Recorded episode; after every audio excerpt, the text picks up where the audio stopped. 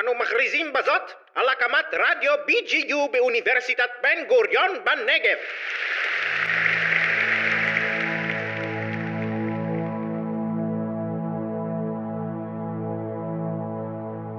כשמסתכלים על גדם העץ הקדום שרחל ינאית שתלה, אנחנו נכנסים לתוך מנהרת זמן ונפרס לפנינו סיפורו המרתק. בבית הנשיא שבשכונת רחביה חבויה תיבת אוצר אדירה, אשר איש אינו יודע כי הוא מהלך עליה. בשביל המרכזי, במדרכה המובילה לגן הכוזרי, סמוך לצריף הנשיא, נמצא לו גדם עץ עתיק שנותר יתום. גדם עץ זה קרס במהלך אחת הסופות על גג צריף הנשיא, משנת 2013. וכך נגדע הגזע וחייו של העץ, ועליו סימני הזמן, והוא אוגר בתוכו זיכרונות רבים. ומתוך טבעות עץ אורן ייחודי זה, מתגלה לנו תמצית העבר והמורשת של רחל ינאית בן צבי, ושורשיה של שכונת רחביה.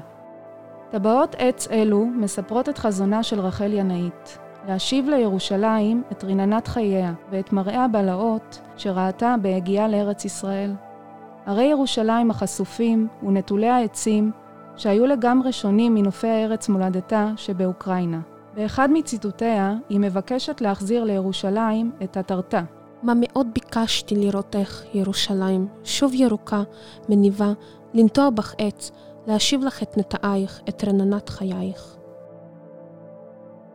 כדי לשנות את אשר ראתה, נסעה ללמוד אגרונומיה בצרפת, וכשחזרה לארץ, הקימה בשנת 1924 את המשתלה ברחביה. פועלות המשתלה, שאותן הכשירה, תרמו לשפע הצמחייה שהתפתחה בירושלים. הן נטעו, חפרו, ועקרו אבנים והכל מעשה ידיהן. במשתלה זו קיבלה רחל ינאית זרעי עץ אורן רבים בעזרת ידידיו של בן צבי, בעלה. ביניהם זרע עץ האורן, שנשתל מזרעי הר הבית, ומאוחר יותר קרס. עץ אורן זה ועוד רבים אחרים, שנשתלו ברחבי רחביה, הם זיכרון עד למורשתה של רחל ינאית.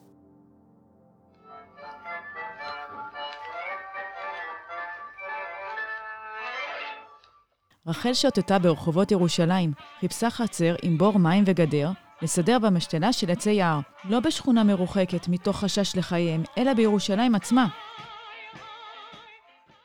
בעלי החצרות תמהו, משתלת עצים? לאיזה צורך?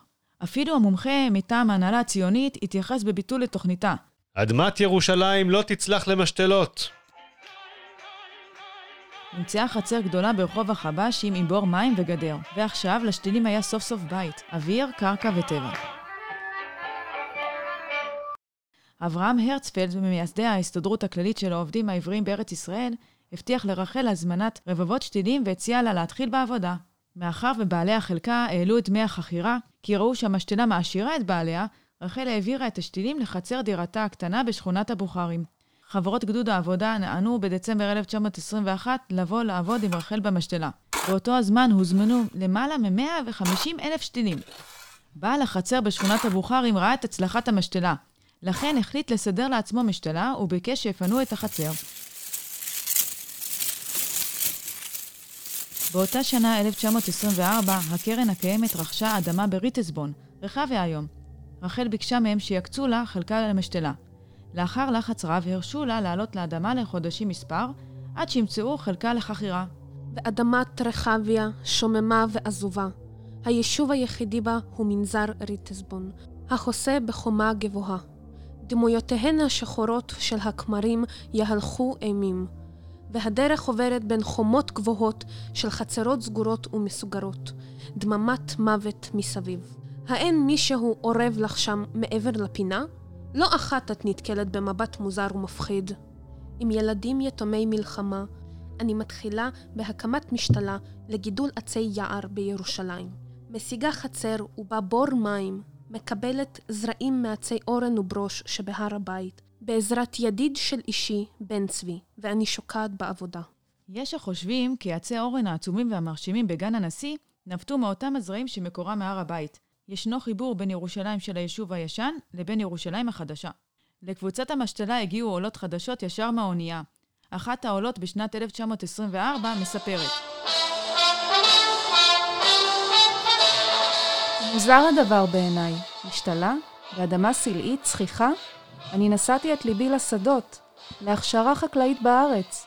וכאן סלעי סלעים, ומן אדמה משונה, רגבים כולה. ראי, גננו זה, גן השתילים, היה לפני ירחים מעטים סלע, כהר זה שממולנו, ועתה הוא פינת עדן פורחת.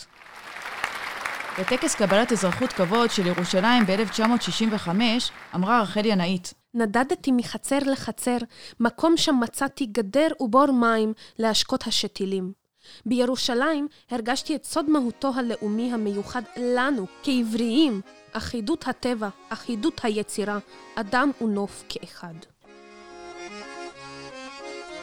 מצמחיית הגן המקורית נשמרו בעיקר העצים, ביניהם חרוב מצוי, ארצין, זית מצוי, עצי אורן ותות. תות, תות, תות, תות. בחצר מכון יד בן צבי בשכונת רחביה קרס עץ אורן בן כתשעים, שצמח מזרעים שהביאה רחל ינאית בן צבי מהר הבית.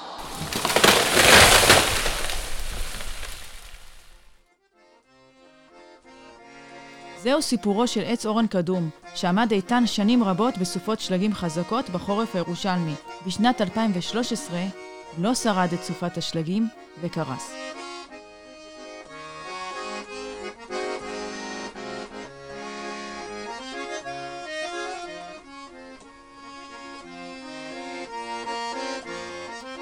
עצי האורן הנטועים, שהובאו כזרעים לסביבה חדשה, ופרחו להם לעצים חזקים ושורשים עמוקים, כאילו הצהירו על כוונותיה של רחל ינאית בן צבי.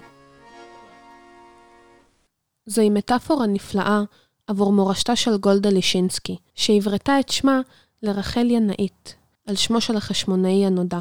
מתוך כוונה לחדש ולהפריח את הרי יהודה לאחר מלחמות החשמונאים עם הרומאים.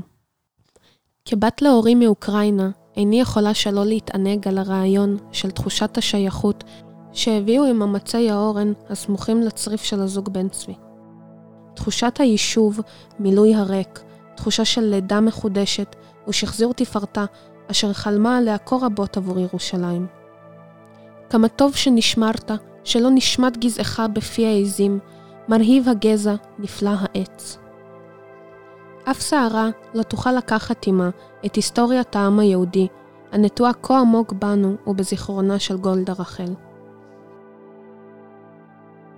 אז בעודכם הולכים בשבילי בית הנשיא שברחביה, זכרו ושימו לב, כי בהשפלת מבט אל הקרקע, חבוי לו עץ עתיק גדום, המלא בזיכרונות העבר על תקופה שבה סימל עץ האורן את תחילתה של ירושלים הירוקה.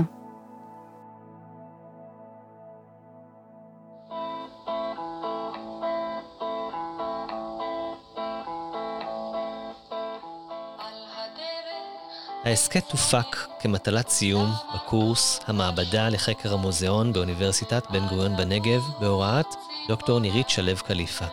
כתבו והגישו שרי גונן, מיטל שמי בוטו ויעל גנקין. עריכה דוקטור בוזי רביב.